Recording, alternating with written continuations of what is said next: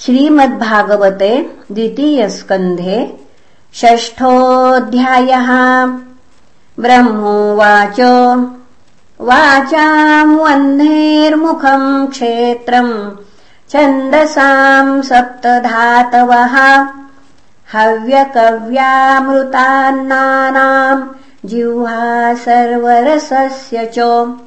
सर्वासूनाम् च वायोश्च तन्नासे परमायने अश्विनोरोषधीनाम् च घ्राणो मोदप्रमोदयोः रूपाणाम् तेजसाम् चक्षुर्दिव सूर्यस्य साक्षिणीम् कर्णौ दिशाम् च तीर्थानाम् श्रोत्रमाकाशशब्दयोः तद्गात्रम् वस्तु साराणाम् सौभगस्य च भाजनम्।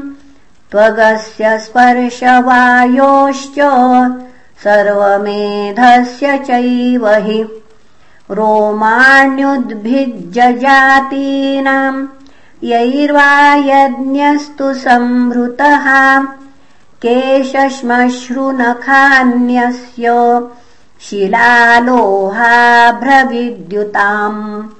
बाहवो लोकपालानाम् प्रायशः क्षेमकर्मणाम् विक्रमो भूर्भुवस्वश्च क्षेमस्य शरणस्य च। सर्वकामवरस्यापि हरेश्चरण आस्पदम् अपाम् वीर्यस्य सर्गस्य पर्जन्यस्य प्रजापतेः। पुंसः शिष्ण उपस्थस्तु प्रजात्यानन्दनिवृतेः।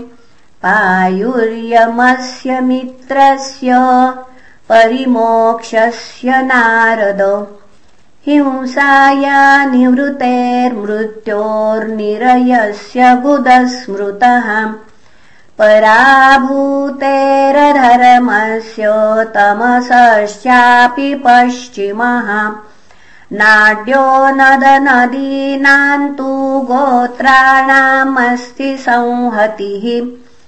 अव्यक्तरससिन्धूनाम् भूतानाम् निधनस्य च उदरम् विदितम् पुंसो हृदयम् मनसः पदम्। धर्मस्य मम तुभ्यम् च कुमाराणाम् भवस्य च। विज्ञानस्य च सत्त्वस्य परस्यात्मा परायणम् अहम् भवान् भवश्चैव तैमे मुनयोऽग्रजाः सुरासुरनरा नागा खगा मृगसरीस्पृपस्पृपाः गन्धर्वाप्सरसो यक्षा रक्षो भूतगणोरगाः। पशवः पितरः सिद्धा विद्याध्राश्चारणाद्रुमाः अन्ये च विविधा जीवा जलस्थलनभौकसहम् ग्रहर्क्षकेतवस्तारास्तडितस्तनयित्नमः सर्वम् पुरुष एवेदम् भूतम् भव्यम् भवश्च यत् तेनेदमावृतम् विश्वम् वितस्तिमधितिष्ठति स्वधिष्ण्यम् प्रतपन् प्राणो बहिश्च प्रतपत्यसौ। एवम् विराजम् प्रतपंस्तपत्यन्तबहिः पुमान्। सोऽमृतस्याभयस्येषो मर्त्यमन्नम् यदत्यगात् महिमैषततो ब्रह्मन् पुरुषस्य दुरत्ययः।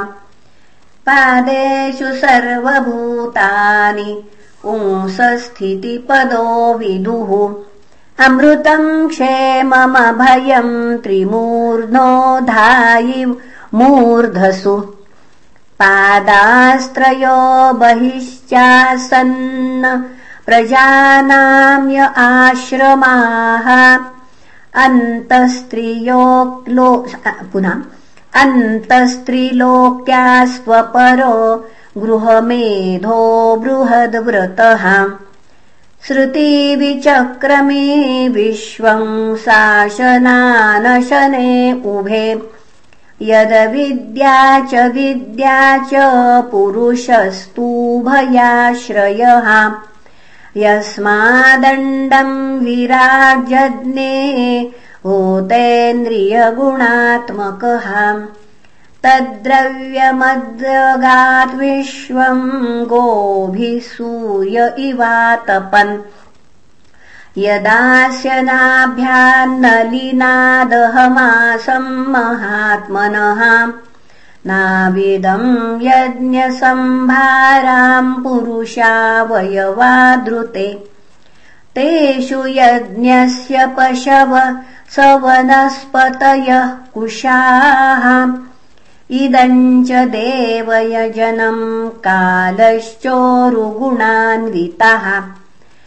वस्तून्योषधयः स्नेहा रसलोह मृदो जलम् रुचो यजंषि सामानि चातुर्होत्रम् च सत्तमः नामधेयानि मन्त्राश्च दक्षिणाश्च व्रतानि च। देवतानुक्रमः कल्पः सङ्कल्पस्तन्त्रमेव च। गतयो मतयः श्रद्धा प्रायश्चित्तम् समर्पणम्। पुरुषावयवैरेते सम्भारा संवृता मया। इति संवृतसम्भारः पुरुषावयवैरहम्। तमेव पुरुषम् यज्ञम् तेनैवायजमीश्वरम्। ततस्ते भ्रातर इमे प्रजानाम् पतयो नव। अयजन्व्यक्तमव्यक्तम् पुरुषम् सुसमाहिताः। ततश्च मनवः काले ईजिरे ऋषयोपरे। पितरो विबुधा दैत्या मनुष्या क्रतुभिर्विभुम् नारायणे भगवति तदिदम् विश्वमाहितम् गृहीतमायोरुगुणः सर्गादावगुणस्वतः सृजामि तन्नियुक्तोऽहम् हरो हरति तद्वशः। विश्वम् पुरुषरूपेण परिपाति त्रिशक्तिधृक् इति ते भिहितम् तात यथेदमनुपृच्छसि। नान्यद्भगवतः किञ्चिद्भाव्यम् सदसतात्मकम्। न भारतीमेऽङ्गमृषोपलक्ष्यते न वै क्वचिन्मे मनसो मृषा गतिः न मे ऋषिकाणि पतन्त्यसत्पथे। यन्मे हृदौत्कण्ठवता धृतो हरिः सोऽहम् समाम्नायमयस्तपोमयः प्रजापतीनामभिवन्दितः पतिः। आस्थाय योगम् निपुणम् समाहितस्तम् नाध्यगच्छम् यत आत्मसम्भवः। नतोऽस्म्यहम् तच्चरणम् यमीयुषाम् भवच्छिदम् स्वस्त्ययनम् सुमङ्गलम्। यो ह्यात्ममाया विभवम् स्म पर्यगात् यथा नभस्वान्तमथा परे कुतः नाहम् न योऽयम् यदृताम् गतिम् विदुर्न वामदेव। किमुता परे सुराः? तन्मायया मोहितबुद्ध्यस्त्विदम् विनिर्मितम् चात्मसमम् विचक्ष्महे। यस्यावतारकर्माणि गायन्ति ह्यस्मदादयः नयम् विदन्ति तत्त्वेन तस्मै भगवते नमः। स एष आद्यः पुरुष कल्पे कल्पे सृजत्यजः। आत्मात्मन्यात्मनात्मानम् संयच्छति च पाति च। विशुद्धम् केवलम् ज्ञानम् प्रत्यक्सम्यगवस्थितम् सत्यम् पूर्णमनाद्यन्तम् निर्गुणम् नित्यमद्वयम् वृषे विदन्ति मुनयः प्रशान्तात्मेन्द्रियाशयाः। यदा तदेवा स्थिरोधीयेत विप्लुतम्। आद्योऽवतारः पुरुष परस्य कालस्वभावः सदसन्मनश्च। द्रव्यम् विकारो गुण इन्द्रियाणि विराट् स्वराट् स्थानुचरिष्णुभूम्नः। अहम् भवो यज्ञ इमे प्रजेशा। दक्षादयो ये भवदादयश्च स्वर्लोकपालाः खगलोकपाला नृलोकपालास्तललोकपालाः।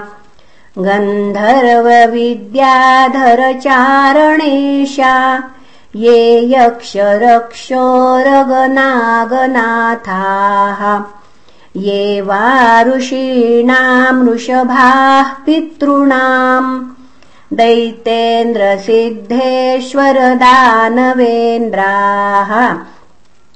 अन्ये च ये प्रेतपिशाच भूतश्कूष्माण्डया दो मृगपक्षधीशाः। यत्किञ्च लोके भगवन्महस्वदोजः सहस्वद् बलवत् क्षमावत् श्रीर्हि विभूत्यात्मवदब्धुतार्णम् तत्त्वम् परम् रूपवदस्वरूपम् प्राधान्यतो यानृष आमनन्ति लीलावतारान् पुरुषस्य भूम्नः।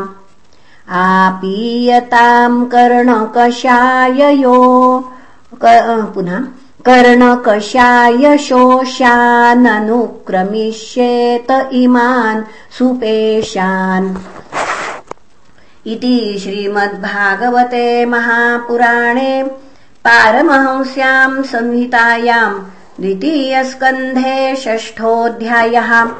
श्रीकृष्णार्पणमस्तु। हरये नमः हरये नमः हरये नमः